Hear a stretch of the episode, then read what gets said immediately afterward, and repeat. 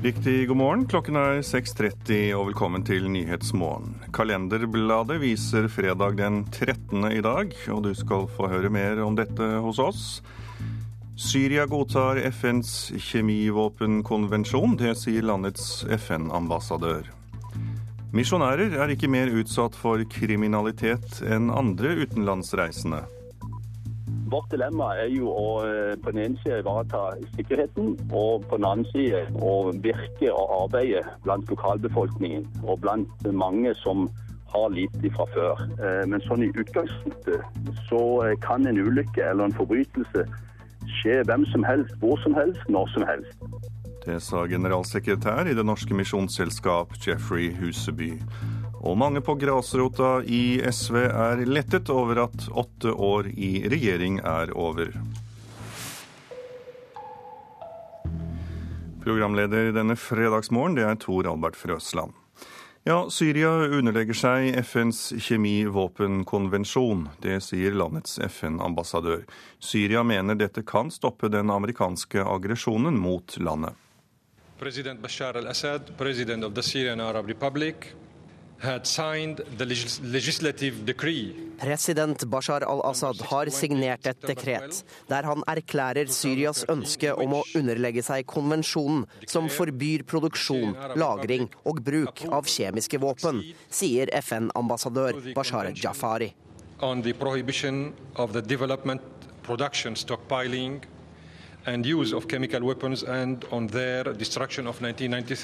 FN bekrefter å ha mottatt et slikt dokument fra Syria, og dette er nå til oversettelse og gjennomgang.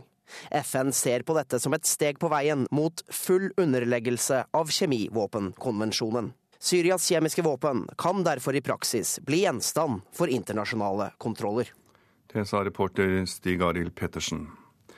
Vi er ikke mer utsatt for kriminalitet enn andre utenlandsreisende. Det sier en utsending fra Det norske misjonsselskap.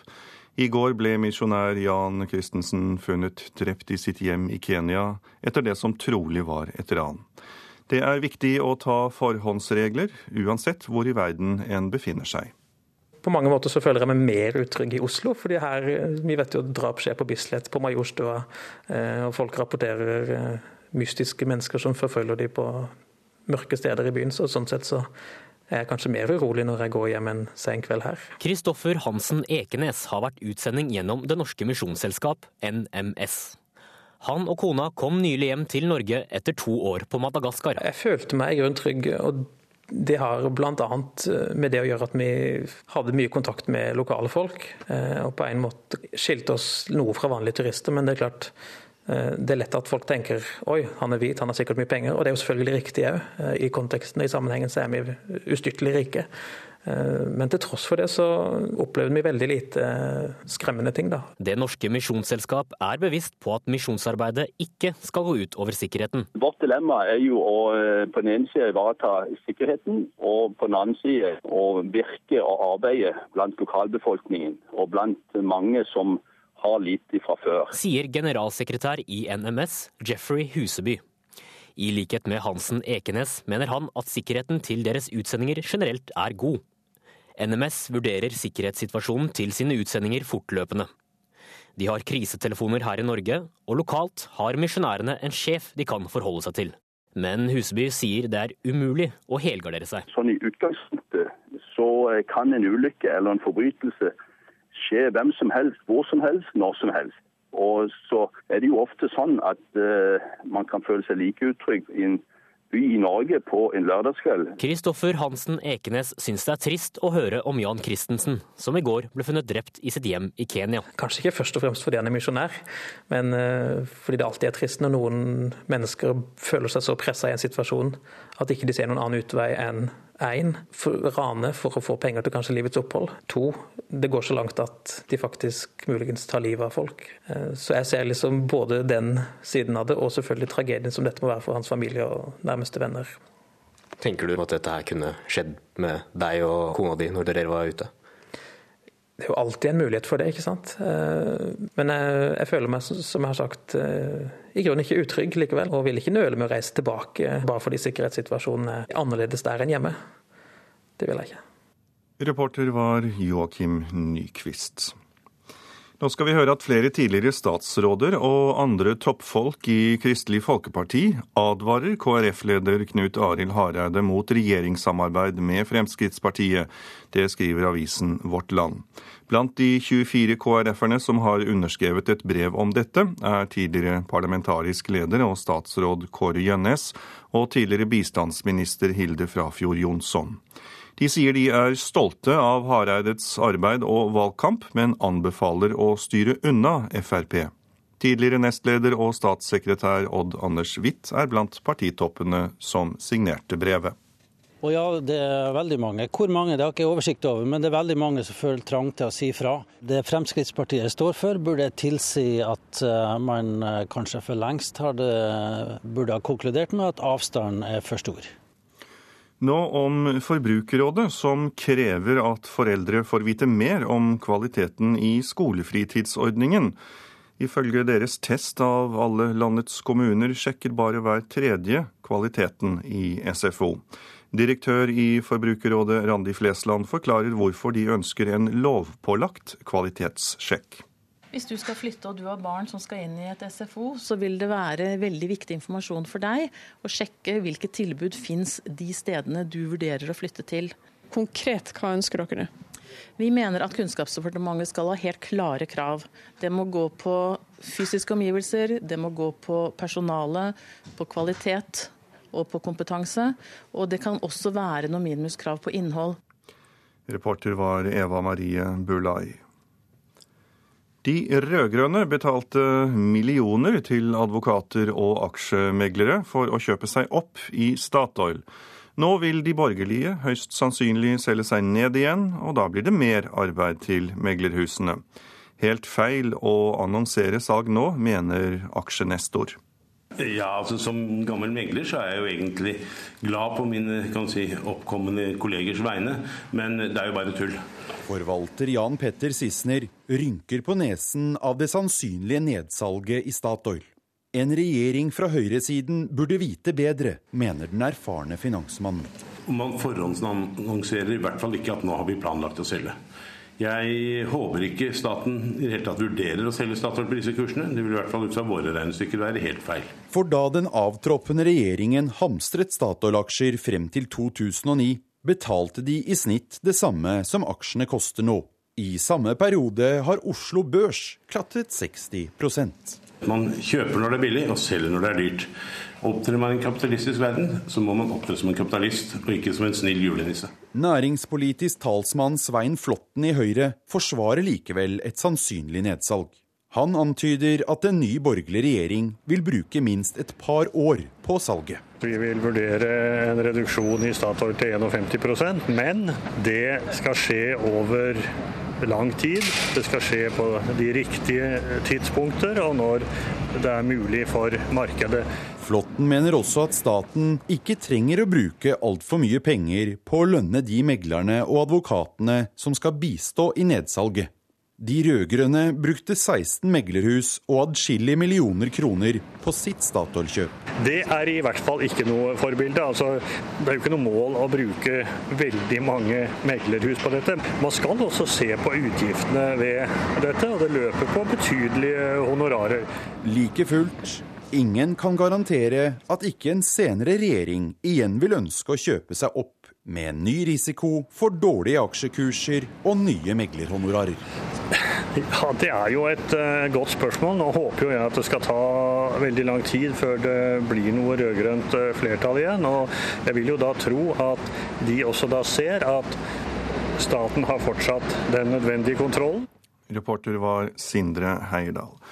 Nå om Unicef, som i dag offentliggjør sin årlige rapport om barnedødelighet. Samtidig kommer fristen for å oppnå FNs tusenårsmål stadig nærmere. Og det er nå klart at verden ikke kommer til å oppfylle målet om å redusere antallet barn under fem år som dør, med to tredeler. Jeg har fått besøk av generalsekretær i Unicef Norge, Bernt Apeland. God morgen. God morgen. Hva er den viktigste årsaken til at verden nå ikke når dette målet? Det er rett og slett at vi ikke eh, jobber fort nok. Vi vet hva som skal til for å, for å klare å stanse barnedødeligheten i, i verden. Men vi gjør ikke nok, og vi gjør det ikke fort nok. Ja, Men hvilket press er det som ikke råder her, siden det ikke går fort nok? Det er både en gledens og en tragisk dag i dag når vi legger fram disse tallene. For det vi ser er at vi har klart å halvere barnedødeligheten i verden på de siste 20 åra. Eh, men samtidig så er det alt går det for sakte. Eh, ja, og hvorfor går det for sakte? Fordi barn dessverre alltid eh, kommer bakerst i køen når de store pengene skal fordeles. Det er ikke nok satsing i de landene der barnedødeligheten er stor, og det er ikke nok midler fra de regjeringene i verden som har penger til å kunne hjelpe. Du sier også at det er gode nyheter her. Hvor mange barn har da blitt reddet etter at tusenårsmålene ble formulert? Ja, Det er jo det som er så fantastisk. Det er 90 millioner barn har blitt reddet siden 1990. og Det er altså 90 millioner enkeltskjebner som har fått lov til å vokse opp. Det er 90 millioner mødre og 90 millioner fedre som har fått sett sine barn vokse opp. Fordi vi har tatt tak i de helt enkle tingene. Eh, vaksinering, flytte helsehjelp ut på landsbygda eh, og sørge for eh, rent vann, god hygiene og, og, ikke minst oppfølging av mødre under svangerskap. Det sies at eh, de første ukene etter fødsel er svært viktige for disse småbarna da. Hva er det som er så viktig nettopp da? Ja, for det første så er det at mor ammer barnet er kanskje det aller viktigste. Men det er også veldig viktig at mor får kyndig oppfølging under fødselen. For det er altså én million barn i året som dør den første levedagen. Eh, det er et dypt tragisk tall for barna, men det er også et tall som viser at mødre er veldig utsatt i den posisjonen. Så dette gjelder ikke bare barna, det gjelder også uh, mødrene. Målet for disse fristene er satt til 2015, eh, altså om et par år. Hva skjer videre etter det? Ja, for det første så må vi nå eh, firedoble innsatsen hvis vi skal klare å nå målet innen 2015. Sånn som det ser ut nå, så vil vi ikke nå det før i 2028. Eh, mitt håp og min ambisjon er at vi må spisse målet når 2015 eh, kommer. Vi må sette inn enda større trøkk og fortsette jobben til vi har gjort den.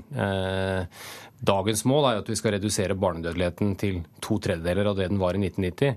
Jeg syns ikke vi skal være fornøyd før vi har klart å redusere barnedødeligheten i verden til null. Dere i FN har den globale oversikten. Og hvor i verden er de beste grepene tatt for å redusere barnedødeligheten? Det som er imponerende, er at det er mange ganske fattige land som har gjort eh, en fantastisk innsats. Eh, Malawi, Bangladesh og Etiopia har alle klart å redusere barnedødeligheten med mer enn to tredjedeler siden 1990. Eh, og det til tross for at dette er blant de aller, aller fattigste landene i verden. Og her til lands får vi ny regjering etter alle solemerker. Hva forventer du av den nye regjeringen på dette området? Jeg forventer at Norge, som et land som jo har kommet veldig godt ut av eh, finanskrisen, fortsetter å ha en sterk satsing på barne- og mødrehelse i årene som kommer. Eh, og eh, istedenfor å svekke innsatsen, kommer til å intensivere den i årene som kommer. Generalsekretær i Unicef Norge, Bernt Appeland, takk skal du ha for at du kom til oss i Nyhetsmorgen. Da skal vi eh, titte litt eh, på hva som står i, på noen av avisenes forsider. Det er sykdomsøkning blant unge mennesker etter lavkarbobølgen. Det kan VG fortelle om. Og det er hjerteinfarkt det dreier seg om. Flere unge nordmenn får infarkt etter å ha gått på lavkarbodiett, viser forskning. Marna Jensen, det er overskriften i Finansavisen. Bror til Siv Jensen, Tom Einar Jensen, går på dagen fra den kriserammede gjødselprodusenten Agrinos. Alle KrFs ordførere kan ryke ved tvang, skriver Klassekampen. For de borgerlige vil presse frem gigantkommuner i Norge, noe som kan føre til at KrF mister samtlige av sine 19 ordførere. Og KrF har en aksjon mot Frp, kan vi lese i Vårt Land. Tidligere statsråder og stortingsrepresentanter vil ikke være ambassadører for partiet dersom KrF går i regjering med Frp, noe vi også hørte om her i Nyhetsmorgen. Landbruksminister i Willoch-regjeringen, Svein Sundsbø fra Senterpartiet, råder KrF og Venstre til å delta i regjering. Å delta gir uten tvil størst påvirkningskraft, mener han, i nasjonen. Vår nye statsminister Erna Solberg frykter for Norges omdømme i utlandet etter medieoppslag, og forsvarer Siv Jensen i Dagbladet i dag. Solberg sier at Frp ikke er et høyrepopulistisk parti, og partiet har ikke den agendaen som det typiske anti-immigrasjonspartiet står for. De rød-grønne har hatt åtte år med full fart i økonomien. Nå bremser det opp, spår økonomer til Aftenposten. Undersøkelser fra Manpower slår fast at utsiktene for arbeidsmarkedet er de svakeste på fire år. Nordmenn kjører mest bil i hele Europa og reiser minst kollektivt. Det kommer frem i en ny rapport fra Statistisk sentralbyrå, skriver Dagsavisen. I gjennomsnitt kjører vi nesten tre og en halv mil hver dag. Riksrevisjonen varsler utvidet gransking av oss i NRK. Og det er ikke pengebruken vår, men arbeidet med presseetikk som skal granskes. For Riksrevisjonen ønsker å se om vi i NRK har rutiner og redaksjonelle kontroller som sikrer at presseetikken ivaretas. Tidligere generalsekretær i Presseforbundet Per Edgar Kokkvold sier til Dagens Næringsliv at han aldri har hørt på maken. Enken etter Tore Beck, som ble drept i terrorangrepet mot Statoil-anlegget In Amenas, forteller for første gang sin historie i Bergens Tidende i dag. Og Stavanger Aftenblad forteller om sammenbindinger i oljemessen. Sjefen for messen, Peter N. Kellen, er ukomfortabel med båndene mellom eh, de ulike aktørene i Stavanger Forum og ONS. Og Nordlys forteller oss at det har skjedd to jaktulykker på to dager i nord. Sist ble en mann skutt i øyet og er alvorlig skadet. Ekspertene advarer folk på jakt mot å bruke kamuflasjeklær.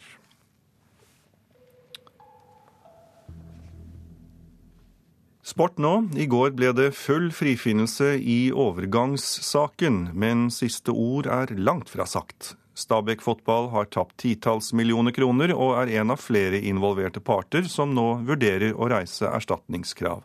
Og det kan bli dyrt for oss skattebetalere. Den belastningen de har hatt underveis, den blir jo aldri borte.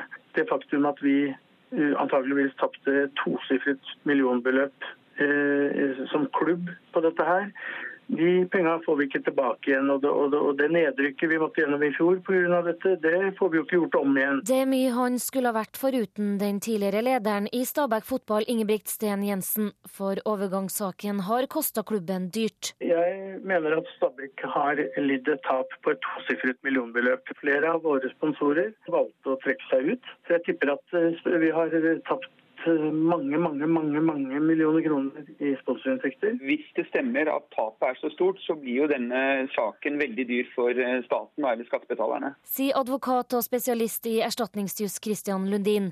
For det er ikke bare Stabæk som har lidd økonomisk. Flere av de tiltalte vurderer nå å reise erstatningskrav etter tapt inntekt og økonomi i form av sponsorkutt, omdømmetap og advokatutgifter. Til sammen et beløp på titalls millioner kroner. Ja, hvis den frifinnende dommen blir stående, slik den nå er eh, formulert, så vil det jo overraske meg om eh, ingen av de siktede ikke vil kreve erstatning eh, i kjølvannet av den frifinnende dommen.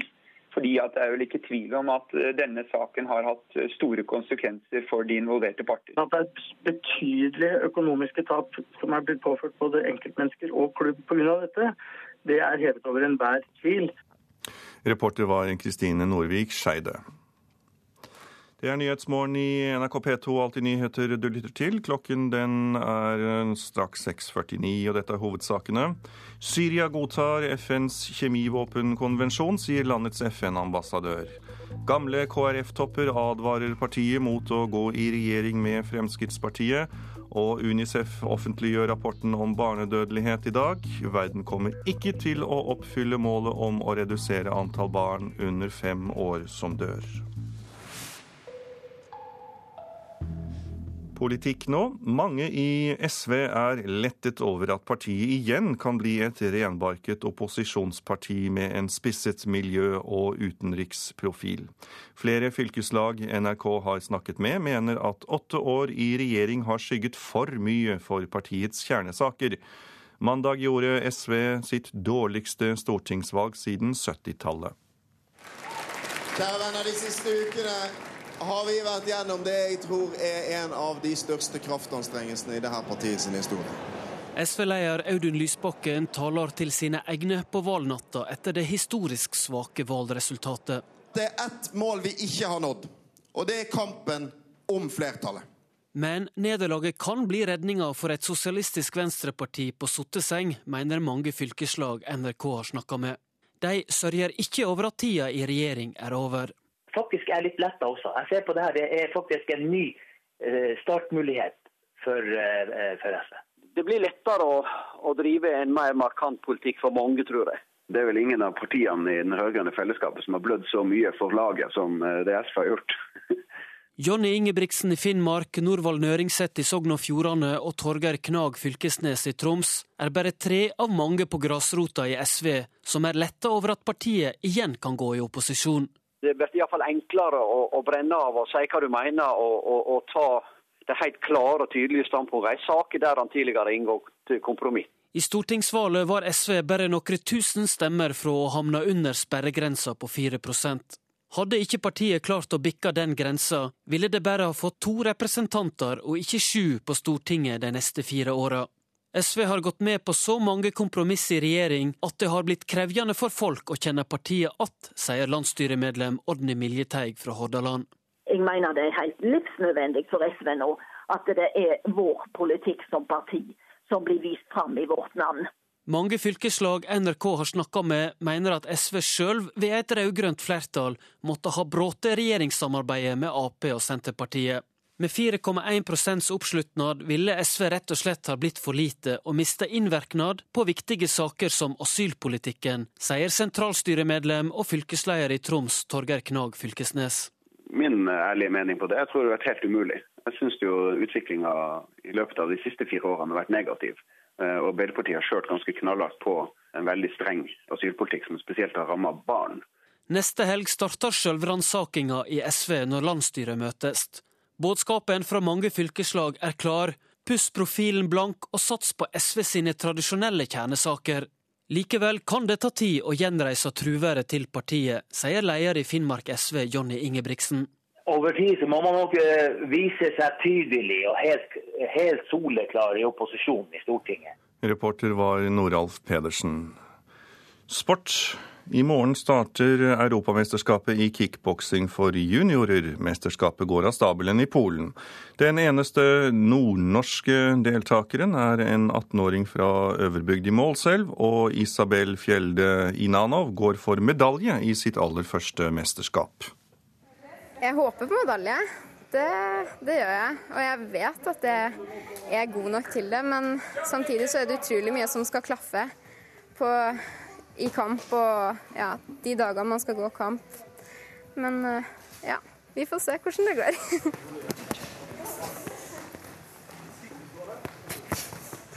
Hun vet å slå fra seg 18 år gamle Isabel Fjelde Ivanov fra Øverbygd i Indre Troms. Elleve år gammel begynte hun med kickboksing.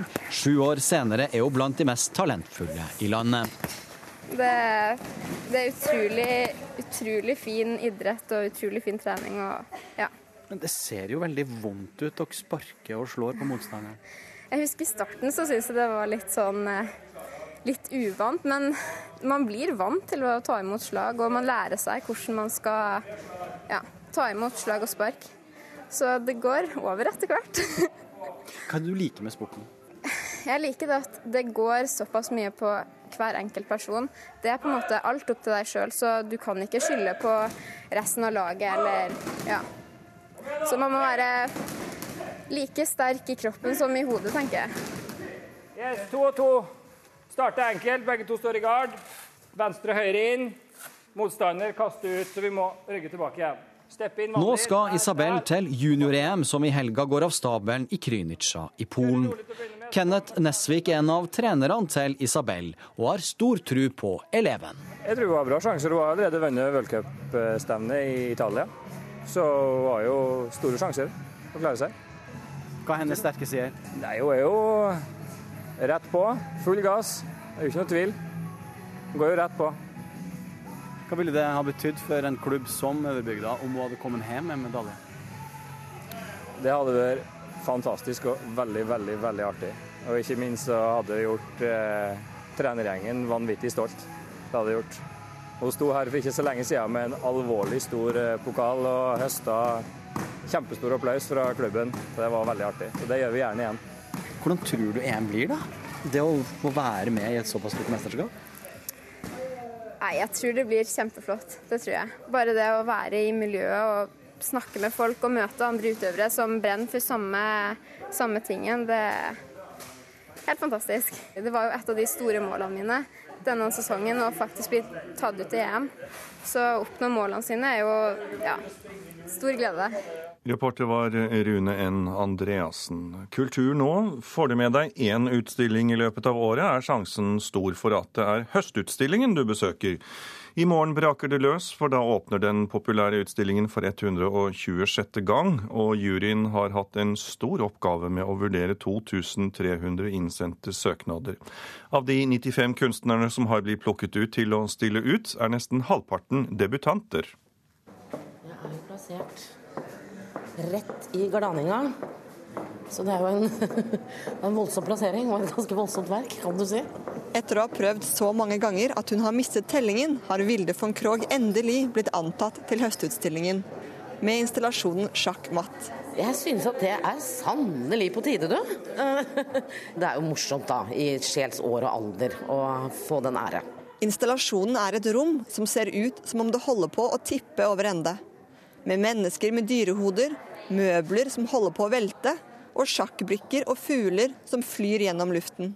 Installasjonen er plassert rett innenfor billettskranken, og er det første publikum ser. Man får seg et lite sjokk i chakraen idet man kommer inn. og forhåpentligvis noe folk eh, kan finne mye humor i. I morgen åpner høstutstillingen for 126. gang. Utstillingen trekker et stort antall besøkende hvert år, men ikke alle er like positive. Altså, Høstutstillingen er vel blitt noe mer sånn som en, si, en, bok som du kanskje ikke forstår noe så veldig mye av, som, men som du vet du bør ha lest. Det sier kunstner Terje Adler Mørk, som maler klassisk figurative bilder. Han mener det er for lite klassisk kunst med et gjenkjennelig motiv på utstillingen, og for mange performancer og abstrakte kunstverk. Eh, du kan jo si at Det som slår meg, og sikkert de fleste, er jo det at det er veldig fjernt ifra å være folkelig det, det, er en sånn fremmedgjøring i kunsten som jeg, jeg liker veldig dårlig. Juryformann Nils Olav Bø kjenner seg bare delvis igjen i kritikken om at publikum ikke forstår kunstverkene de blir presentert. Jo, det er, I noen verk kan det vel være eh, riktig, men eh, stort sett så eh, er det, det, er jo figurative ting her. Det er jo narrative ting her på Høstutstillingen. Så en finner ting til enhver smak, vil jeg påstå. Han oppfordrer publikum til å komme til utstillingen med åpne øyne. For Det handler jo mest om eh, hvor åpen en stiller seg. En må jo liksom være åpen på en måte og, og la seg påvirke av det en ser. Hvis en eh, er forutinntatt, så vil jo det bare være en bremse for en opplevelse. Reporter var Heidi Røneid.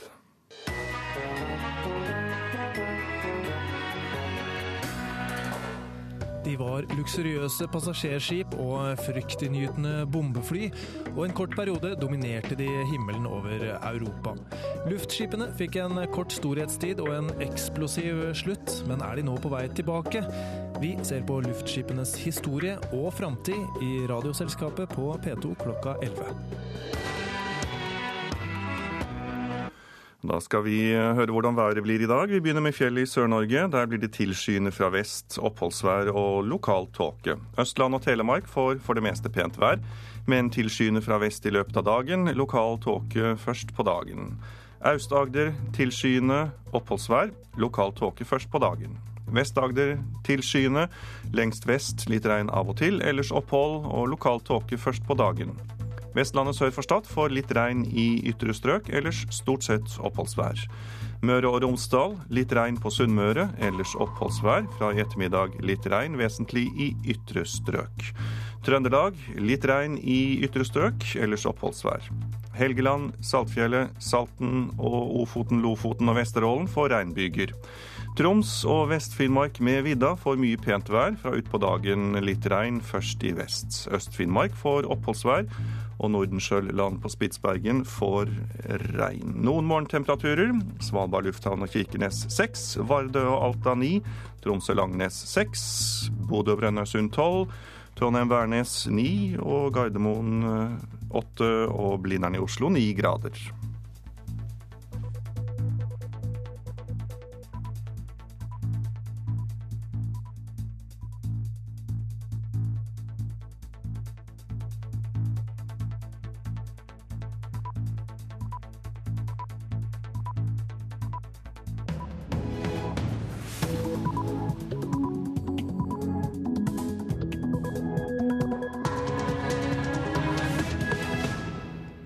Klokken slått sju. Det er Nyhetsmorgen med Tor Albert fra Østland i studio du hører på, og her er en nyhetsoppdatering.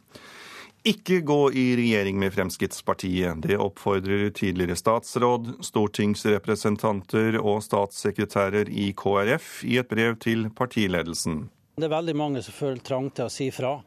Tidligere statssekretær og nestleder i KrF, Odd Anders Witt. Det brenner fortsatt i Trysil, men lyngbrannen har dempet seg noe i løpet av natten. Klare kvalitetskrav bør også gjelde SFO, mener Forbrukerrådet, og får støtte hos far Fredrik Bjerkland. Det syns jeg er på tide. At det blir noen slags form for kontroll. I dag er det 20 år siden den historiske Oslo-avtalen ble underskrevet. De rette, kreative personene var på rett plass til rett tid og fikk til det ingen hadde greid før. Og yrkesfagelever som skal studere videre må ha påbyggingsfag, men over halvparten stryker. 24 tidligere toppolitikere i Kristelig Folkeparti ber dagens partiledelse om å la være å inngå et regjeringssamarbeid med Frp. I et brev til partiledelsen advares det mot å regjere sammen med Fremskrittspartiet fordi den politiske avstanden er for stor. Det skriver avisen Vårt Land, som omtaler brevet i dag. Jeg tror at uh, respekten for det Fremskrittspartiet står for, burde tilsi at uh, man uh, kanskje for lengst hadde, burde ha konkludert med at avstanden er for stor. Odd Anders Hvitt var nestleder i Kristelig Folkeparti i fire år, og ble også utpekt til det for KrF viktige Barne- og familiedepartementet som statssekretær. Han er en av flere som i brevs form advarer KrF-ledelsen om regjeringssamarbeid med Frp. Det er ikke fem, ni eller tolv som undertegner, det er totalt 24 tidligere statsråder, statssekretærer, medlemmer av partiledelsen og stortingsrepresentanter som frykter et Frp-samarbeid. Og ja, det er veldig mange. Hvor mange det har jeg ikke oversikt over, men det er veldig mange som føler trang til å si fra. Og mange av de er jo ikke i dag med i alle de organer som skal ta avgjørelser, så det er et supplement til demokratiet. De mener den politiske avstanden er for stor. I brevet skriver de at citat, Kristelig Folkepartis profil og kjernesaker vil få seg et skudd for baugen. Videre at Frp citat, undergraver kjerneverdier som er bærebjelker for KrF. På områder som internasjonal og nasjonal solidaritet, ruspolitikk, fattigdom, økonomisk politikk, distriktspolitikk, menneskeverdsspørsmål. Lista er lang, og jeg går ut fra at ikke Fremskrittspartiet skal brenne opp hele sitt program. Det er avisen Vårt Land som i dag omtaler brevet til KrF-ledelsen. Er det er flott ny stortingsgruppe. I går samlet Kristelig Folkepartileder Knut Arild Hareide sin nye og gamle stortingsgruppe for å få mandat til å innlede samtaler om regjeringssamarbeid med Høyre, Venstre og Frp. Hareide tar med seg nestleder Dagrun Eriksen og leder av stortingsgruppen Hans Olav Syversen. Det er to av de beste jeg har. Jeg tror det vi skal gjøre nå, er at vi skal gå inn i samtaler for å gå i dybden av noen av de vanskelige temaene, men òg se på hvilke muligheter vi har i en ny regjering. Reportere var Lars Nehru Sand og Ingrid Kielland Mørdre. Politisk kommentator her i NRK, Magnus Takvam, velkommen. Hvor splittet er KrF i synet på å gå inn i en regjering med Frp? Det er ingen tvil om at det er svært mange i Kristelig Folkeparti som er skeptiske til et regjeringssamarbeid med Fremskrittspartiet. Også den politiske ledelsen i KrF har sterke mot, motforestillinger eh, mot dette. Eh, så de aller fleste regner med at det faktisk er eh, mindre sannsynlig at partiet etter disse avklaringssamtalene går inn i regjering med eh, Frp og Høyre, enn eh, å bli stående utenfor, med en eller annen slags form eh, for avtale. Men disse KrF-nestorene som har underskrevet dette brevet, skriver at KrF bør presse Høyre til å velge mellom sentrum eller Frp. Hvordan skal det tolkes? Nei, Det er klart. Det er eh, en litt eh, hvis jeg skal være litt slem, naiv måte å se det på i den virkeligheten vi er, eller disse partiene er i nå. For eh, hva ville resultatet da bli? Altså, eh, de fire eh, borgerlige partiene er alle avhengig av alle fire for å få flertall og danne en ny regjering. Dersom Høyre teoretisk skulle velge mellom eh, de to fløyene, så ville ikke Høyre ha flertall eh, la oss si, med, med sentrum mot, mot Frp. Så virkeligheten er brutal for KrF-ledelsen i den forstand. Det jeg tror er veldig viktig å huske på her, er at det strategiske valget Kristelig Folkeparti gjorde i september i fjor, da deres landsstyre vedtok å ikke utelukke samarbeid med Frp, var styrt av behovet de mente var der for regjeringsskifte.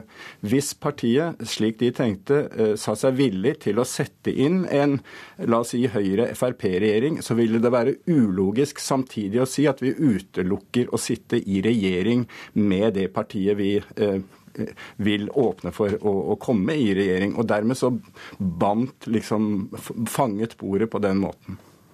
Men hvordan tror du KrF-leder Knut Arild Hareide tar dette innholdet i brevet? Altså, Han tar det vel som et uttrykk for at det er sterke motforestillinger rett og slett, i eh, KrF mot å samarbeide med Frp. Og som jeg var inne på, så Eh, så er det han har forpliktet seg til, å gjennomføre reelle avklaringssamtaler med eh, Høyre, Frp og Venstre om det i det hele tatt er mulig å få til en eller annen slags eh, plattform. Han har ikke forpliktet seg til å gå inn i regjering, og da kan han ikke på forhånd heller utelukke et regjeringssamarbeid. Men det er klart at disse underskriverne på mer Eh, skal vi si, ideologisk grunnlag i utgangspunktet sier at det overhodet ikke bør være aktuelt for eh, KrF å sitte i en regjering med et parti som Frp. Eh, så det er den store forskjellen, at man på forhånd sier nei. Så får vi se da i ukene som kommer hvordan sonderingen bærer frem. Magnus Takvam, vår politiske kommentator, takk skal du ha. Så skal vi til den eh, store lyngbrannen i Trysil, og reporter Geir Olav Slåen. Brannvesenet har gått brannvakt i hele natt, men hvordan er situasjonen nå? Situasjonen er veldig rolig og kontrollert, og det ser ut til at de har klart å slukke den store lyngbrannen, som har hatt et brannfelt på en kilometer bredt og fem-seks kilometer langt. Eh, nå skal de ut med helikopter og prøve å gjøre noe ettersløkking og få full oversikt. Hvordan har eh, arbeidet foregått, eh, Geir Olav? Nei, altså De um, har mangel på vann ute, det er veldig tørt. og De har hatt pumper og håndslukker og de har hatt traktor med sånne møkktanker som har fått kjørt på vann. Så det har vært en 50-60 eh, brannmannskaper og politifolk ute nå i går, og, og, i går og i går kveld for å prøve å slukke brann, som de da lykkes med sent i går kveld. Du nevnte at helikopteret snart skal opp når dagslyset kommer, men hva vil skje videre utover dagen? Nei, altså Hvis det er slik som det de antar nå, da, at eh, brannen er sløkt, så blir det bare kontroll for eh, eventuelt at det kan blusse opp igjen. Og så vil de da avslutte arbeidet, for at nå er det nå er det sløkt. Det er bare noen små tendenser til noe oppblussing. Men er det en fare for at det skal blusse opp igjen? Ja, Det vil det alltid være når det er skog- og lyngbrann, men nå er det veldig rolige vindforhold her. Det er nesten ikke vind, det er en liten trekk i lufta. så så forholdene for å helle denne brannen under kontroll, de er veldig gode nå. Takk skal du ha, reporter Geir Olav Slåen. Malegruppe, slåball, varmmat eller filmstund. Aktiviteter og organisering av skolefritidsordningen varierer fra skole til skole. Nå krever Forbrukerrådet at kommunene må oppfylle en lovpålagt kvalitet. De ønsker bl.a. krav om antall ansatte, innhold og lekeområder. Far Fredrik Bjerkland synes dette er en god idé. Det synes jeg er på tide. At det blir noen slags form for kontroll. Dette er jo noe eh, som koster penger. Han er godt fornøyd med SFO-tilbudet på Gjellerås skole, der dattera Tuva går i dag. Men SFO-en på det forrige stedet familien bodde, var ikke fullt så bra. Inneklimaet var veldig dårlig. Eh, var vannlekkasje i taket. Vi krever at departementet stiller klare krav til SFO, på linje med det de i dag gjør til barnehager og skoler. Det sier direktør i Forbrukerrådet Randi Flesland. Kvalitetskravene kan være mange forskjellige. Det kan gå på fysiske omgivelser ute og inne. Det kan gå på krav til personale både i forhold til kvalifikasjoner og antall. Og det kan gå på et minimumskrav til innhold i SFO. Det finnes i dag en veiledning for Kommune-Norge der det står hva man kan fylle SFO-dagen med, og hvordan tilbudet kan organiseres. Men etter at Forbrukerrådet har spurt kommunene om de faktisk sjekker kvaliteten på SFO-tilbudet, viste det seg at bare en tredjedel av kommunene gjør det. Det er veldig positivt at Kunnskapsdepartementet har laget en veileder for SFO, men nå er det på tide å stille krav bak den. Jeg er helt enig med at eh, det er tyder på at vi bør eh, stille strengere krav. Og er derfor opptatt av at en veiledende rammeplan som vi har nå, absolutt bør gjøres eh, lovpålagt framover. Det kan statssekretær i Kunnskapsdepartementet Elisabeth Dale fra SV tillate seg å si, siden hun sitter i en avtroppende regjering. Sju år gamle Tuva Bjerkland pakker den blå sekken med hjerter på. Hvis hun skulle få designe SFO-dagen sin helt sjøl, vet hun hva som ville stått på timeplanen. Eh, å gå i gymsalen. Og leke Haien kommer. Reporter var Eva Marie Bulai. Og jeg har med meg Kristoffer Beckham. Du leder foreldreutvalget for grunnopplæringen. Hva sier dere til forslaget fra Forbrukerrådet? Nei, Dette er veldig kjærkomment, og dette støtter vi. For Vi har jo i ett og et halvt år nå bedt regjeringen om å evaluere SFO-ordningen som er ute i kommunene, sånn at vi kan få ta stilling til om det er godt nok, om det er noe vi ønsker å forandre på. Hvordan er det generelle inntrykket av kvaliteten på SFO-tilbudet, slik dere ser det? SFO-tilbudet varierer fra kommune til kommune. Det er veldig vanskelig å si. Mange steder fungerer det veldig bra, og mange steder fungerer det som en oppbevaring. Og nå er det sånn at I SFO i dag har du leksehjelpsordning, du har fritidsaktiviteter, du, de spiser mat i lag. Det er klart at vi må ha en god kvalitet i denne ordningen. Og så er det én ting, det er altså foreldrene som betaler dette. Og Derfor er dette, eh, som Forbrukerrådet sier, veldig viktig. En god kvalitet i ordningen, sier du, men hva er det dere konkret er opptatt av? Nei, Vi er opptatt av om SFO skal være læringsstøttende eller aktivitetsstøttende. Vi er opptatt av at foreldre skal vite at når de har sine barn i SFO og de gjør lekser, så skal det være kvalifiserte folk som hjelper dem. Det skal være folk som har en utdanning, eh, enten som forskolelærer, barne- og ungdomsarbeidere, sånn at de er trygge på at barna deres har det godt når de er på skolen. Ja, Hva er viktig for dere da? Er det læringsstøttende eller det andre du nevnte? Det er klart, Læringsstøtten er viktig i SFO. Men, hvis, men siden SFO varierer sånn fra kommune til kommune, så er det viktig at vi får evaluert SFO eh, i løpet av et års tid. Forbrukerrådet nevner konkret at f.eks. i én barnehage så får foreldrene vite hvor mange voksne det er per barn. Burde det være sånn i SFO også?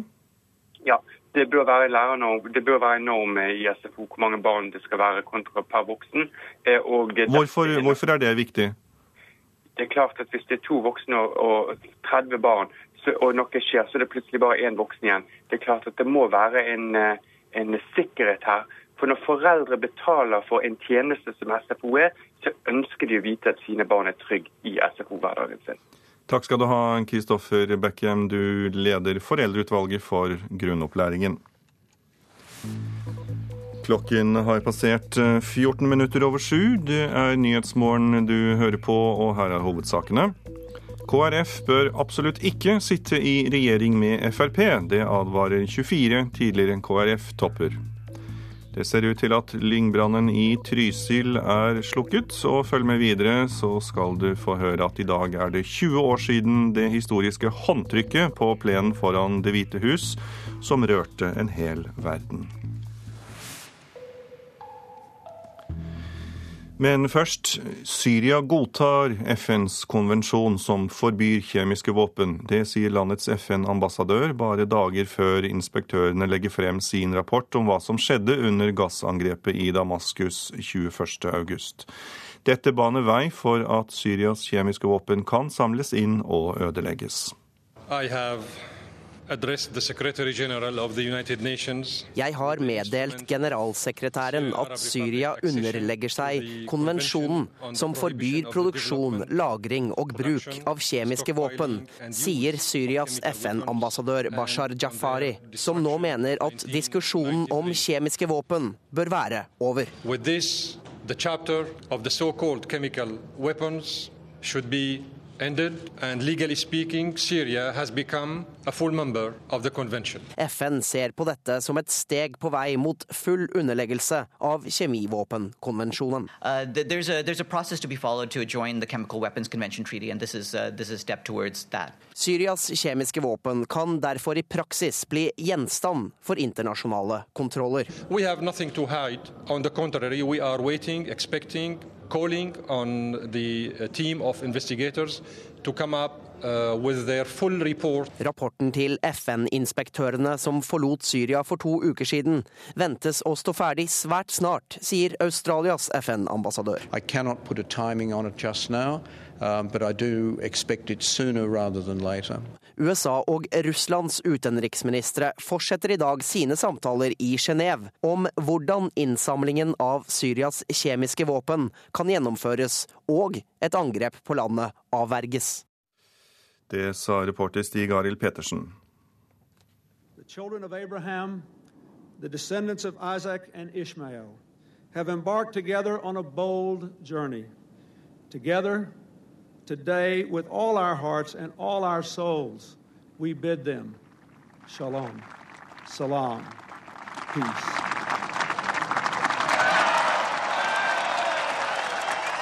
Ja, Det var en uh, håpefull president Bill Clinton som uh, hadde gode ønsker om fred, og i dag er det altså 20 år siden det historiske håndtrykket på plenen foran Det hvite hus som faktisk rørte en hel verden. Etter flere tiår med blodig strid strakte PLO-leder Yasir Arafat ut hånden til Israels statsminister Itzak Rabin. Oslo-avtalen ble tilrettelagt av norske diplomater, politikere og aktører, og Sissel Wold tar oss tilbake i tid.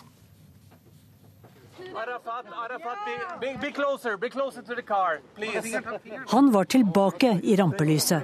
Yasser Arafat strålte under den rutete kafeen. Han hadde akkurat underskrevet på at han anerkjenner Israel. Borte var isolasjonen i Tunisia, der Yasser Arafat og PLOs lederskap satt i eksil, blakke og ensomme. Da PLO hadde sin base i Libanon, ble Arafat godt kjent med den norske diplomaten Hans-Wilhelm Longva. For Norge hadde Unifil-soldater i Libanon, der PLO var én av borgerkrigens mange parter.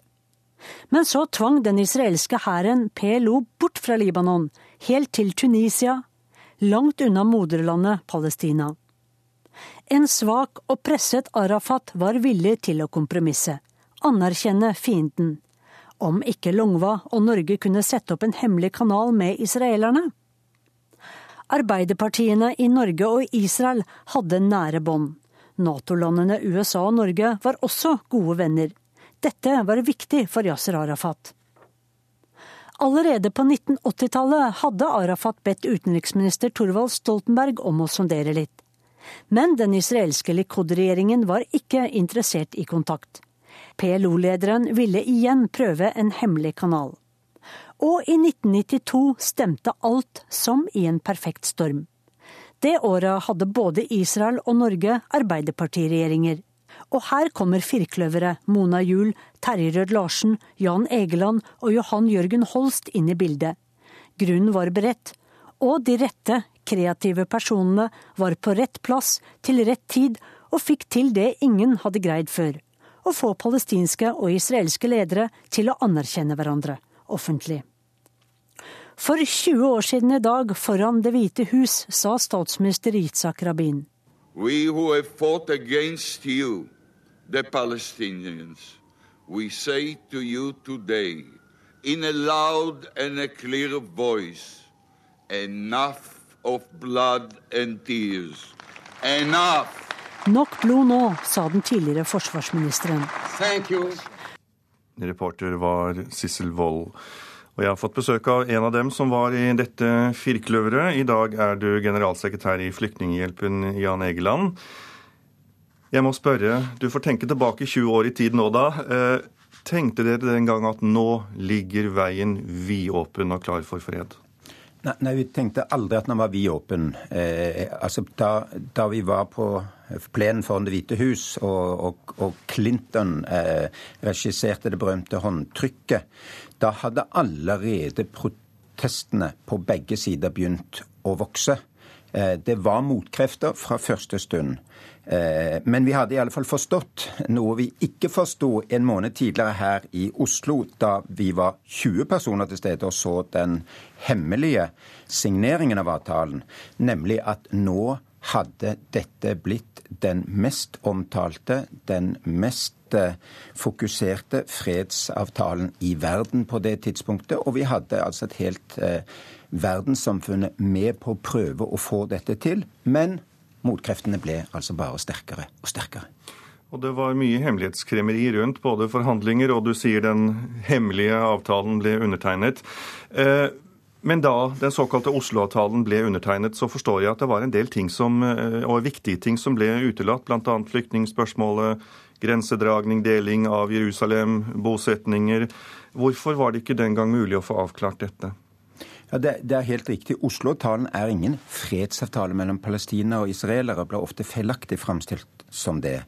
På 90-tallet var vi tilretteleggere for en endelig fredsavtale i Guatemala sammen med FN.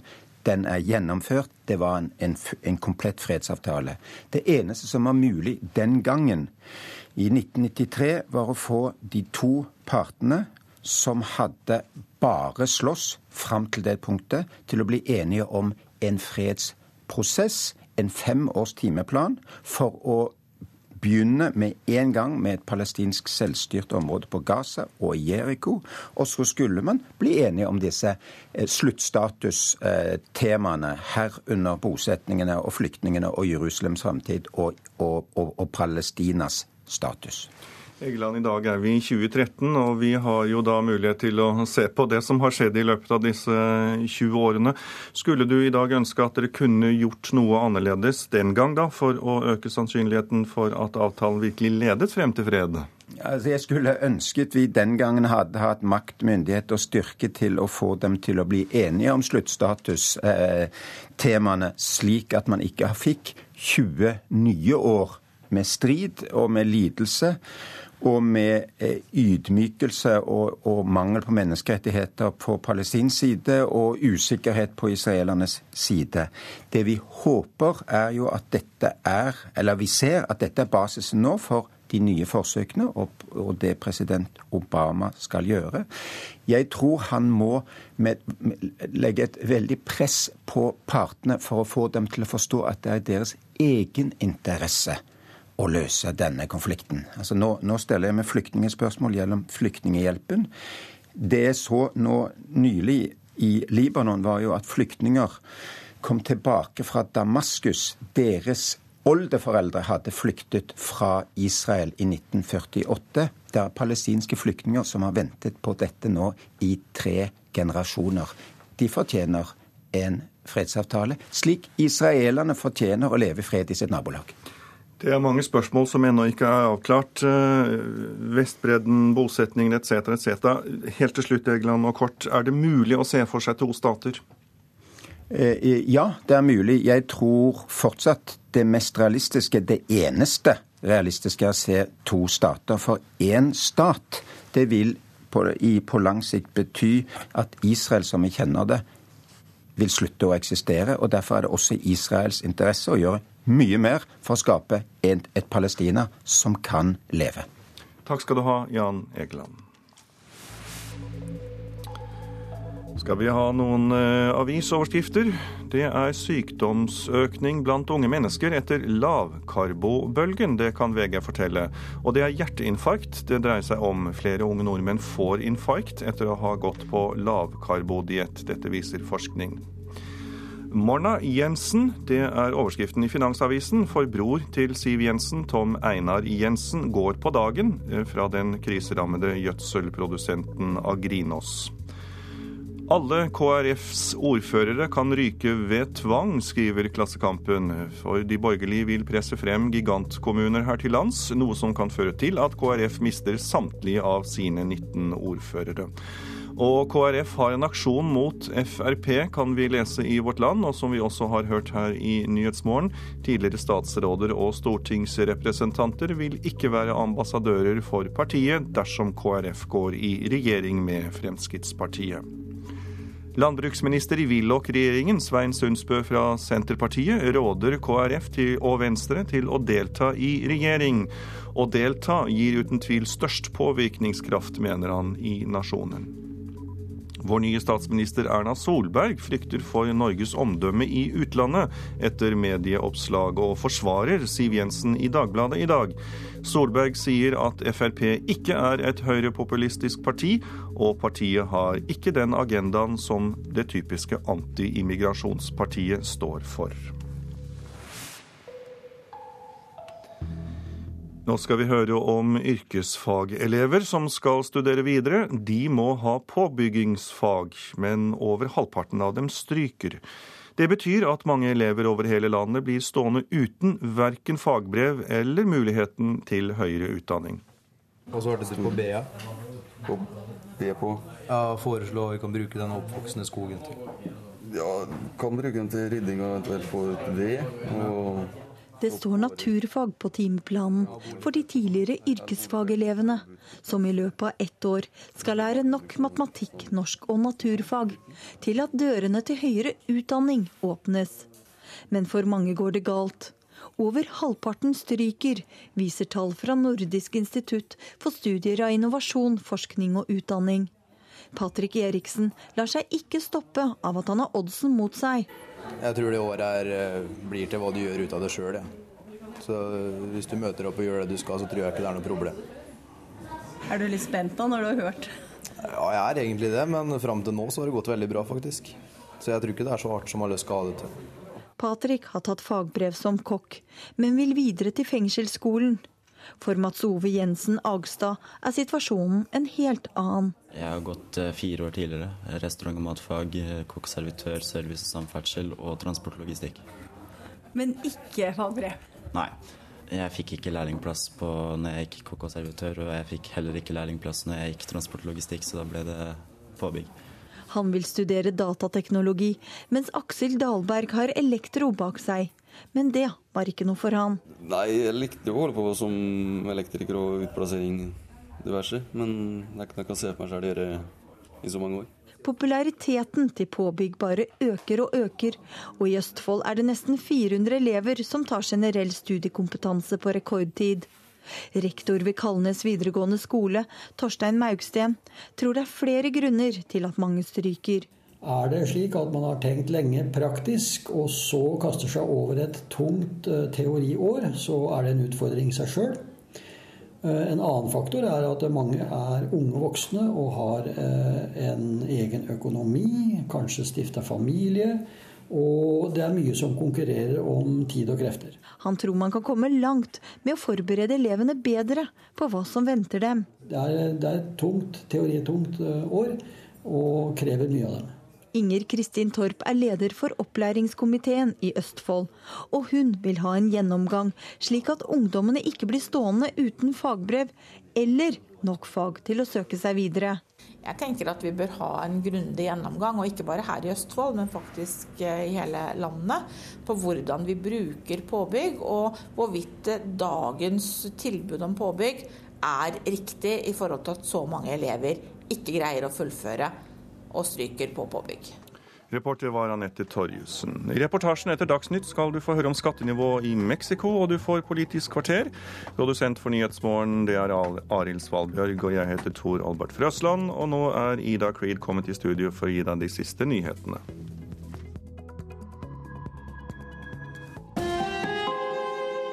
Hør ekko. Du har hørt om Max Manus, tungtvannaksjonen og Gutta på skauen. Men visste du at Kirkenes ble utsatt for 300 bomberaid under annen verdenskrig? Hvorfor vet vi så lite om krigen i Finnmark? Er det historier fra krigen i nord vi ikke har ønsket å fortelle? Ekko 9 11 i NRK P2.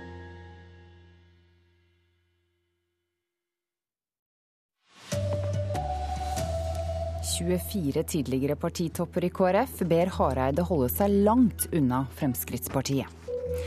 Syria godtar FNs forbud mot kjemiske våpen. Forbrukerrådet krever at foreldre får vite om skolefritidsordningen i nærmiljøet holder mål. Her er NRK Dagsnytt klokken 7.30. Flere tidligere KrF-topper har underskrevet et brev der de advarer ledelsen i partiet mot å sitte i regjering med Fremskrittspartiet. Det skriver avisen Vårt Land i dag. Dersom partiledelsen trosser disse advarslene, vil ikke disse lenger være ambassadører for partiet. Jeg tror at uh, respekten for det Fremskrittspartiet står for, burde tilsi at uh, man uh, kanskje for lengst hadde, burde ha konkludert med at avstanden er for stor. Odd Anders Hvitt var nestleder i Kristelig Folkeparti i fire år. Han er en av flere som i brevs form advarer KrF-ledelsen om regjeringssamarbeid med Frp. Det er totalt 24 tidligere statsråder, statssekretærer, medlemmer av partiledelsen og stortingsrepresentanter som frykter et Frp-samarbeid. Og ja, det er veldig mange. Hvor mange det har ikke oversikt over, men det er veldig mange som føler trang til å si fra. Og mange av de er jo ikke i dag med i alle de organer som skal ta avgjørelser, så det er et supplement til demokratiet. De mener den politiske avstanden er for stor. I brevet skriver de at citat, Kristelig Folkepartis profil og kjernesaker vil få seg et skudd for baugen.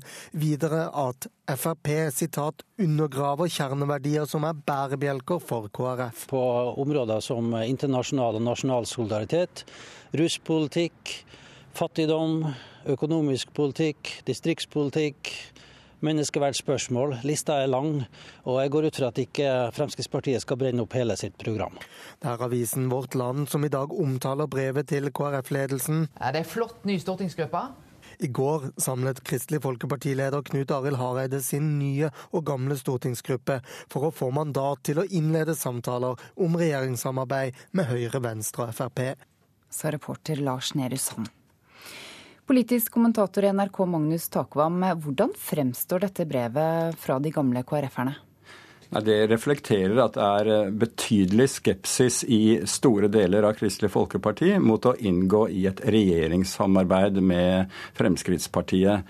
Eh, det disse eh, undertegnerne egentlig sier, er at av ideologiske grunner så bør KrF ikke samarbeide med Frp, og heller ikke prøve det i forhandlinger og se hva KrF kan få gjennomslag for. Fordi avstanden ideologi, ideologisk sett og i menneskesyn osv. er altfor stor, etter deres mening. Hvordan eh, tror du det er for Hareide og, og resten av ledelsen i KrF å få dette i fanget nå? Jeg tror de eh, tar det relativt eh, rolig. Og så vidt jeg forstår, så er det opprop med motsatt fortegn underveis, der eh, også KrF-ere anbefaler å, å, kunne samarbeide med Frp. Så dette reflekterer rett og slett at det er en splittelse i KrF i dette synet, men partiet har forpliktet seg på å samtale med alle borgerlige partier etter et, et valg. Så det er det de gjennomfører nå. Syria underlegger seg FNs konvensjon om kjemiske våpen. Det sier landets FN-ambassadør. Syria mener dette kan stoppe den amerikanske aggresjonen mot landet. President Bashar al-Assad, president of the Syrian Arab Republic, President Bashar al-Assad har signert et dekret der han erklærer Syrias ønske om å underlegge seg konvensjonen som forbyr produksjon, lagring og bruk av kjemiske våpen, sier FN-ambassadør Bashar Jafari. On the prohibition of the development, production, stockpiling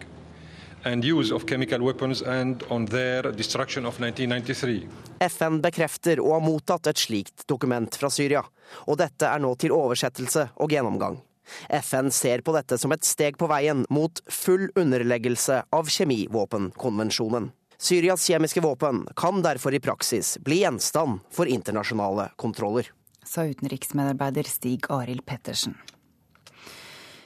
Vi skal hjem igjen og til Trysil. Der ser det nå ut til at politiet og brannmannskaper har klart å stoppe den store lyngbrannen som startet i går. Brannfeltet har vært rundt 1 km bredt og 5-6 km langt. Rundt 60 personer fra både politi, brannvesen og flere andre har deltatt i slukningsarbeidet. God inneluft, aktiviteter og matservering er viktig for Fredrik Bjerkland når han skal velge SFO til datteren sin Tuva. Tall fra Forbrukerrådet viser at bare en tredjedel av kommunene sjekker kvaliteten på skolefritidsordningen sin. Forbrukerrådet ønsker nå at SFO-ene pålegges å oppfylle noen krav.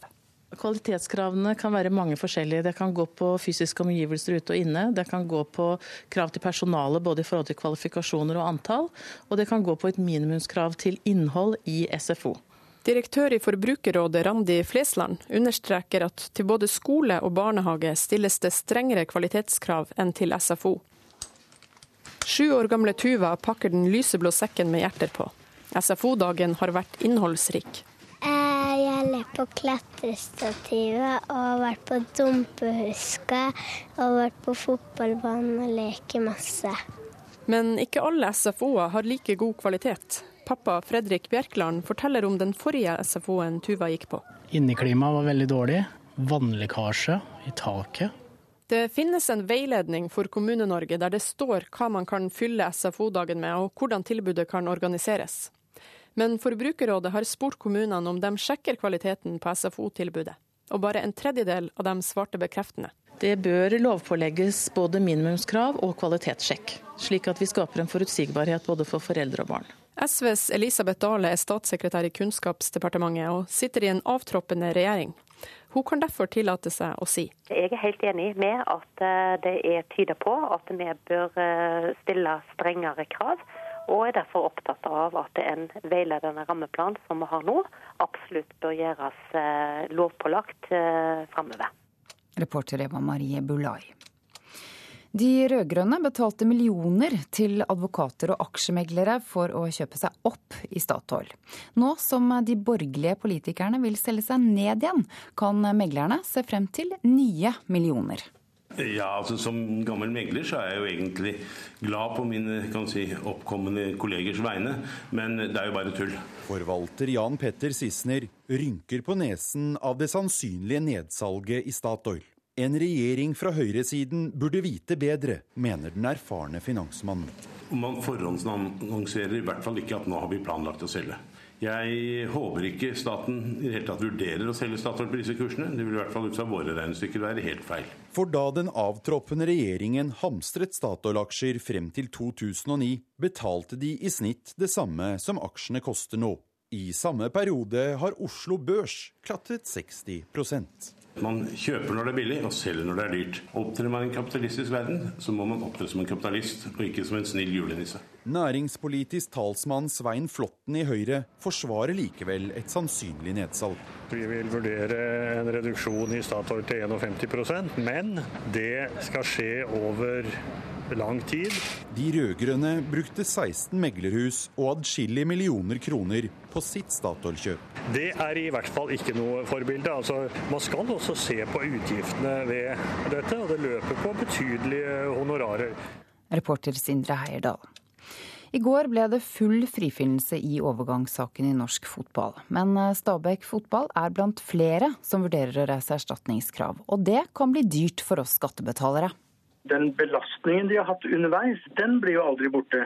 Det faktum at vi uh, antageligvis tapte tosifret millionbeløp eh, som klubb på dette her. Det nedrykket vi måtte gjennom i fjor pga. dette, det får vi jo ikke gjort om igjen. Det er mye han skulle ha vært foruten den tidligere lederen i Stabæk fotball, Ingebrigt Sten Jensen. For overgangssaken har kosta klubben dyrt. Jeg tipper at uh, vi har tapt eh, mange, mange, mange, mange millioner kroner. Hvis det stemmer at tapet er så stort, så blir jo denne saken veldig dyr for eh, staten eller skattebetalerne. Sier advokat og spesialist i erstatningsjus Christian Lundin. For det er ikke bare Stabæk som har lidd økonomisk. Flere av de tiltalte vurderer nå å reise erstatningskrav etter tapt inntekt og økonomi i form av sponsorkutt, omdømmetap og advokatutgifter. Til sammen et beløp på titalls millioner kroner. Hvis den frifinnende dommen blir stående, slik den nå er eh, formulert, så vil det jo overraske meg om eh, ingen av de siktede ikke vil kreve erstatning eh, i kjølvannet av den frifinnende dommen. Fordi at Det er vel ikke tvil om at denne saken har hatt store konsekvenser for de involverte parter. Reporter Kristine Norvik Skeide. Og NRK Dagsnytt var ved Sven Gullvåg, Per Ivar Nordahl og Ida Creed.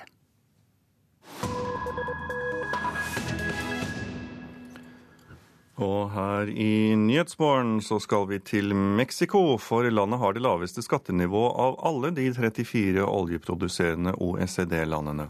Nå er økonomien i nedgang, og presidenten vil reformere både skattenivået og oljeindustrien.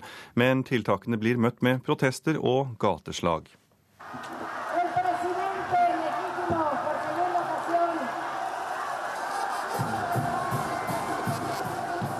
Nei til det store tjuveriet, står det på en stor plakat. Under står venstrepolitiker Andres Obrador og tar imot jubel og viva-rop fra ei menneskemengde på nesten flere titalls tusen. Que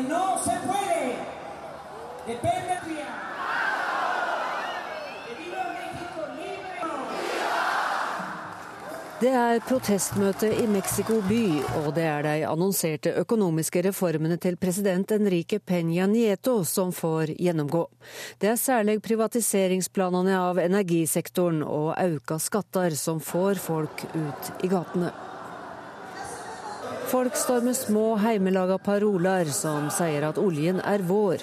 Det er knytta never og allsang og lokal musikk.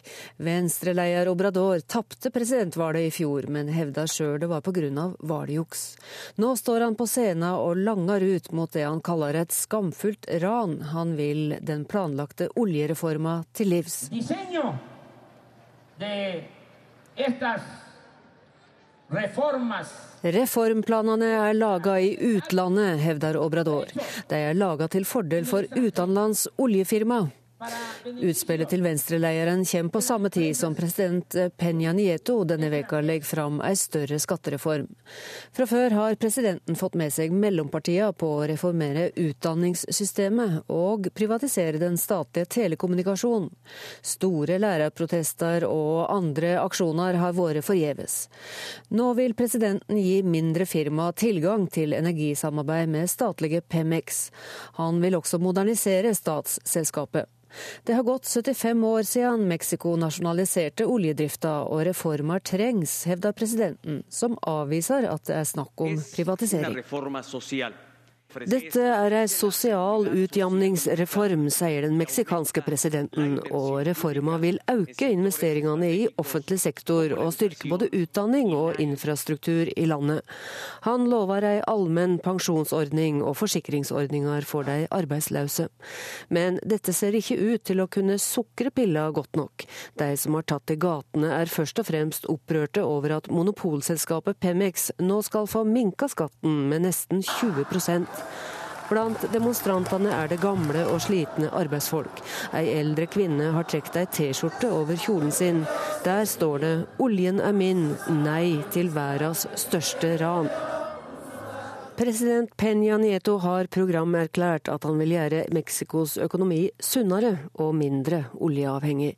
Men han veik unna kravet om større skatt for de rike i landet. Heller ikke verdens rikeste mann, Carlos Slim, risikerer å måtte betale inn mer til statskassa i Mexico. Men middelklassa skal derimot svi. For de som tjener over 230 000 kroner i året, blir det nå 2% mer skatt å betale.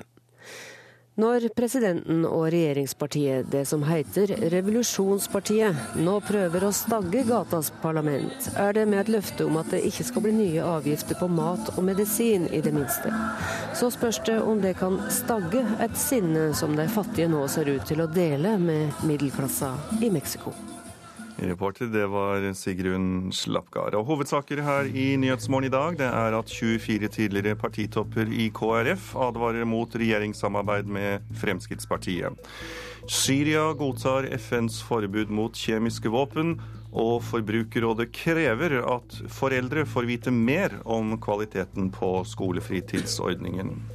Ja, KrF-topper advarer partiet mot å gå i regjering med Fremskrittspartiet, og det blir det mer om hos deg i Politisk kvarter, Per Arne Bjerke. Tidligere statsråder og statssekretærer i KrF ber partiet holde seg unna regjeringssamarbeid med Frp, mens Høyre møtes på Gardermoen for å legge strategien frem mot maktskifte. Og er det rimelig å sammenligne Fremskrittspartiet med de høyrepopulistiske partiene i Europa? Ketil Solvik-Olsen møter Heikki Holmås til debatt.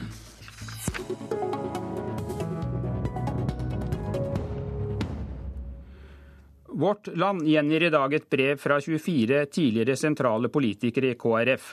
Her advares partiet mot å gå i regjering med Fremskrittspartiet. Blant underskriverne er tidligere statsråder, stortingsrepresentanter og statssekretærer. En av dem er deg, Odd Anders Witt, tidligere nestleder i partiet og statssekretær i Bondevik-regjeringen. Hvorfor kommer dere med denne advarselen?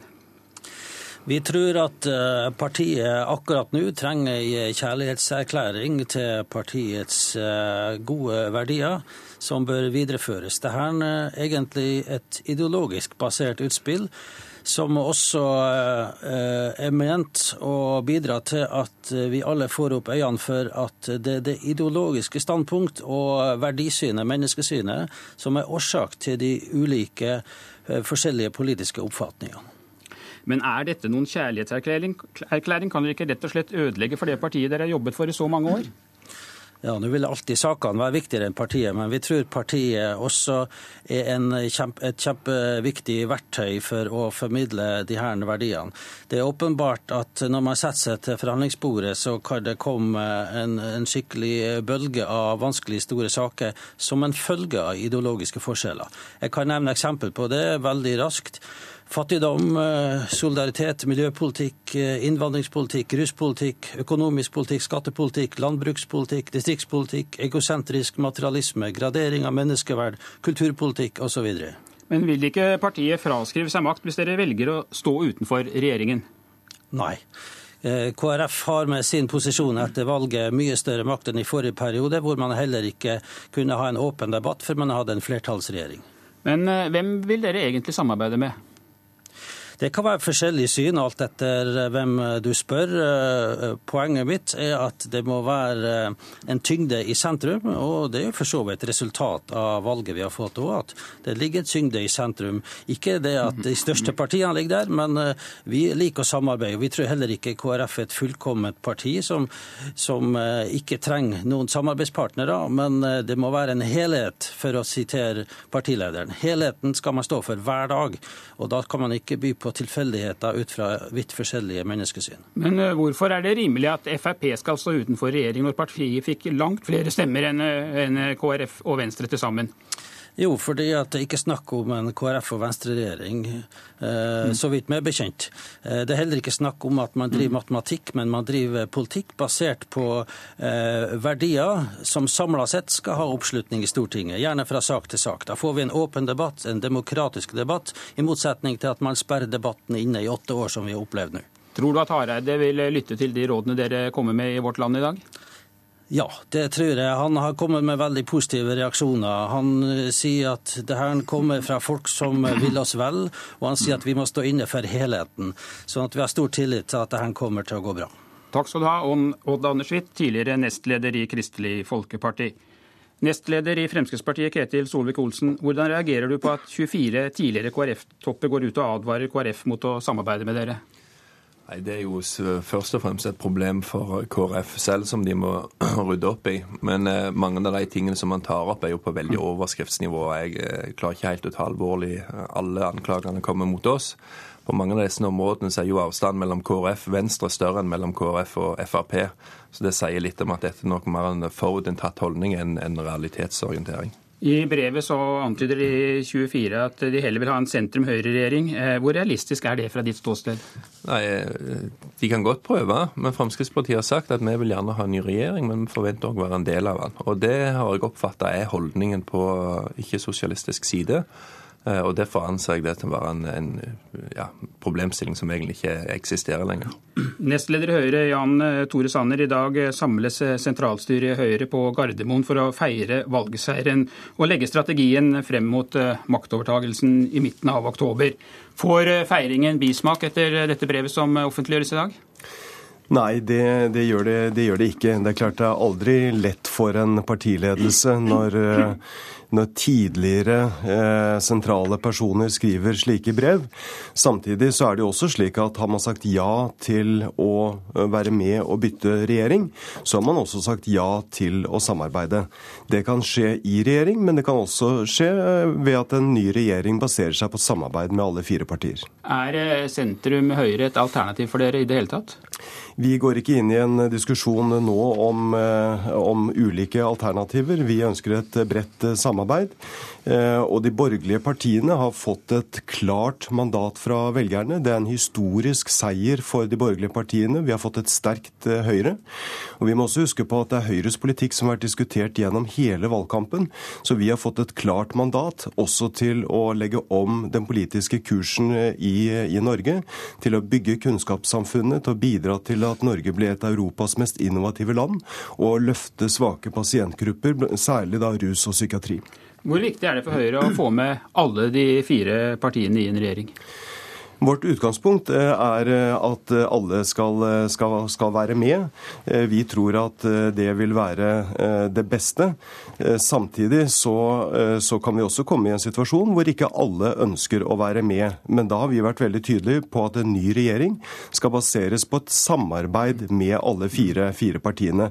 Og vi har nå et historisk stort borgerlig flertall med et klart mandat fra, fra velgerne.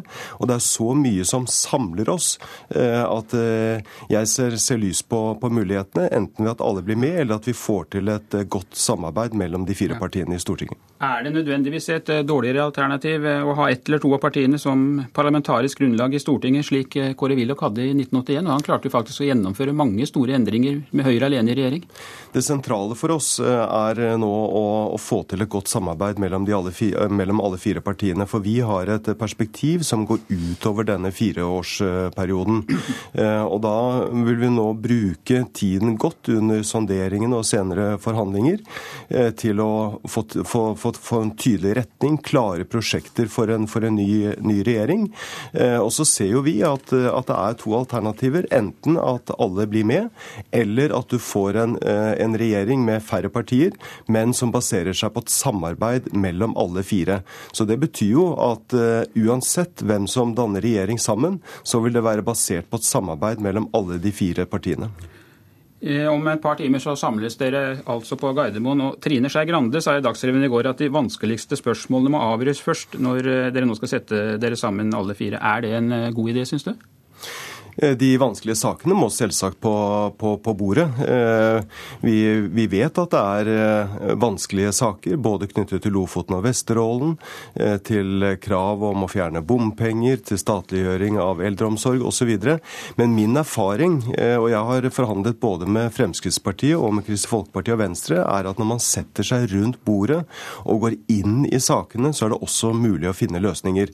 Så vi må selvsagt gå løs på de vanskelige sakene, men vi kommer også til å bruke tid eh, på alle de eh, politikkområdene som samler oss, både innenfor frivilligheten, når det gjelder helse- og omsorgspolitikken, når det gjelder kunnskapspolitikken, og diskutere hva skal være de store, viktige prosjektene for en ny borgerlig regjering. Ketil Solvik-Olsen, Hva slags fremgangsmåte vil du anbefale at Erna Solberg legger opp til når dere nå skal gå i gang med forhandlinger? Strategien der den tror jeg vi skal ta på kammerset. Men det er jo naturlig at vi snakker, si litt om det? Ja, men det er naturlig at vi snakker sammen alle fire. Vår intensjon er at alle fire skal komme i regjering. At vi skal få en regjeringsplattform som alle kan være stolte av, men som samtidig viser tydelig at det enkelte parti får gjennomslag på en del av sine hjertesaker. Sånn som jeg vurderer det, så det er fint mulig å få til. Det som dessen KrF nestorene holder på med, skaper jo egentlig bare problem for KrF i den situasjonen. Og De skal òg huske at eh, det er mange analytikere som peker på at eh, du har et flertall i, en regjering selv uten KrF, fordi at Venstre, Høyre og Frp nå har mer enn 85 mandat alene. Så jeg, jeg tror ikke KrF skal gjøre det vanskelig for seg sjøl, for det, det blir de som får problemene. Sanner, nå regner du med at regjeringsspørsmålet vil være avklart? Nei, Jeg skal være forsiktig med å spå det. Vi har en uh, tidsramme uh, frem til 14.10 uh, hvor budsjettet legges frem, og hvor statsministeren har varslet at han formelt vil gå til, gå til kongen. Og Det betyr at vi, vi har nå noen, noen, uker, og de vil vi bruke, bruke, godt. Det er en god investering, for vi har et langsiktig perspektiv. og Det betyr at vi både må diskutere de vanskelige sakene og diskutere den nye regjerings store prosjekter. og vi gleder oss veldig til å sette i gang. Takk skal du ha, Jan Tore Sanner. Heikki er en liten friskus, men han passer av og til ikke munnen sin, for å si det rett ut. For han burde vite mye bedre enn det. Fremskrittspartiet er et parti som har en mye bredere agenda, og som heller ikke står for innvandringsstandpunkt eller holdning til innvandrere, som f.eks. Sverigedemokraterna har gjort. Heikki Holmås burde unnskylde seg. Ja, Heikki Holmås, utviklingsminister og snart stortingsrepresentant for SV. For et par dager siden så tvitret du at det er helt naturlig at utlandet oppfatter Frp som Norges høyrepopulistiske parti, som Dansk Folkeparti og Sverigedemokraterna. Vil du be Frp om unnskyldning, slik den kommende statsministeren oppfordrer deg til? Nei, man bør ikke be om unnskyldning for noe som er sant. Og det er sånn at eh, Fremskrittspartiet bærer alle trekkene ved å, de vesentlige trekkene ved å være et høyrepopulistisk parti. Store norske leksikon bruker begrepet høyrepopulistisk om de. Seriøse aviser som The New York Times og The Independent bruker begrepene anti-innvandringsparti og høyrepopulistisk om de. Og hvis du sammenfatter forskning, av, eh, forskning på høyrepopulistiske partier, så er det en brei brei enighet om at Fremskrittspartiet er et høyrepopulistisk parti, i familie med de andre. Ja, sågar en av de første partiene som lyktes med å bli et nasjonalt parti. Ketil Solvik-Olsen, burde Holmås be deg om unnskyldning? Hva, hva, han gjør, begynner egentlig å bli ganske uinteressant. Men det han bidrar til, det er jo å skape et svært negativt bilde som vil ramme ja, synet mange har på det som har skjedd i norsk politikk. Fordi ja da, Vi er et parti på høyresiden i norsk politikk, og på enkelte områder kan en godt si vi er populistiske i den forstand at vi har en veldig sterk grasrotbevegelse. Og vi som parti lytter veldig til hva folk der ute mener. Fordi det er folks hverdagsproblem Frp er veldig opptatt av. Men det som Heikki Holmås gjør, det er jo å forsøke å sette oss i bås med en del parti som står for noe helt annet, som òg er på høyresiden i sine respektive lands eh, politiske skala, men der skalaen er veldig annerledes enn i den norske. og Derfor blir det helt meningsløs sammenligning som man kommer med. Vi er ikke en del av den familien som Sverigedemokraterna, Sandfinnet eh, og disse partiene er. Det, altså, Heikki vil gjerne prøve å svartmale hva Frp står for, men til med Frank Aarebrot, en kjent Ap-medlem og politisk eh, kunnskapsrik mann, sier at dette er bare tull, og egentlig mener at eh, Heikki bør be om unnskyldning, så syns jeg han burde i hvert fall lytte til sine egne. Gikk du ikke vel langt, Holmås? Det er jo veldig mange som har reagert på det du kom med. Nei, det er faktisk ikke det. Eh, det er faktisk sånn, sånn som jeg sa i sted, at eh, det å kalle Fremskrittspartiet høyrepopulistisk er en beskrivelse som eh, forskere, aviser, Store norske leksikon slutter seg til. Og Det handler jo om hva, er det som er kjernen i høyrepopulismen. og man trekker ofte frem tre forskjellige forhold. Det ene er at de er et antielitært parti. Setter opp liksom folket opp mot eh, skredderøkonomene i Finansdepartementet, som var Carl I. Hagen sitt favorittuttrykk. Det er at eh, man, eh, man, har på en måte ofte autoritære standpunkt i, i spørsmålet om strengere straffer, mer disiplin inn i skolen. Og så er det innvandringsspørsmålet og det nasjonale spørsmålet som står sentralt. Og her er det store likheter, hvis du ser, og det gjorde jeg senest i går ser igjennom Dansk Folkeparti sine programmer, ser igjennom Sverigedemokraterna sine programmer, og det er sammenhenger som, som finnes eh, av, eh, av, forskere. La meg ta noen punkter. Fremskrittspartiet og Per Sandberg fremmet gjennom hele valgkampen knallharde antiinnvandringsutspill. Fengsling av asylsøkere i lukkede mottak. Det var å gjøre det bortimot umulig ja. å få, å få familiegjenforening. Ja, de dette, er, dette er fellespunkter med andre, andre eh, høyrepopulistiske partier. Ja, dette blir jo bare tull. fordi dette er jo akkurat det som konspiratorikere gjør. De finner noen fakta her og fakta der, og så setter de inn i en sammenheng som blir helt annerledes. Og Når altså norske politiske kommentatorer sier at denne samlingen her er helt urelevant, fordi at terminologien som du bruker på det norske politiske systemet, betyr noe helt annet i de andre politiske systemene du sammenligner oss med, det at utenlandske aviser tar feil om oss, og du bruker det allikevel som et sannhetsbilde når du er i en situasjon du burde vite bedre. Og Når en del av disse avisene baserer sine sannhetsbilder på oss, på at ortodokse marxister skriver kronikker i sine aviser om hva Frp er, da syns jeg at du burde ta en virkelighetssjekk på hvem du bruker som kilde. Men, men, eh, men Ketil Solvik-Olsen, med all respekt, altså. Det kan ikke være sånn at når vi tar deres politikk på alvor og ser hvor, jo, nei, Når du nei, ser hvor du henter eksemplene dine fra Per Sandberg trekker frem to land der han som bruker idealer i innvandringspolitikken. Det er Danmark, der Dansk, Folke, der Dansk Folkeparti hadde avgjørende innflytelse på utformingen av regjeringens politikk fordi at de var støttepoliti. Det er Hellas, det er Hellas der fullstendig feil. Det er, nei, vet du hva, Kjell Solvik-Olsen, det er Hellas. Nei, men nå må du få lov å snakke meg, la meg få snakke ja, Nå er det snart ingen av dere som får snakke mer, for nå går sendingen raskt mot slutten. Ketil Solvik-Olsen, fem sekunder til slutt. Vi fikk hjelp fra danske Venstre i valgkampen, ikke Dansk Folkeparti. Du tar fullstendig feil, og det er pinlig å høre på deg. Men det er Dansk Folkeparti som avgjør Og det var eh, Politisk kvarter. Takk skal dere ha. Jeg heter Per Arne Bjerke.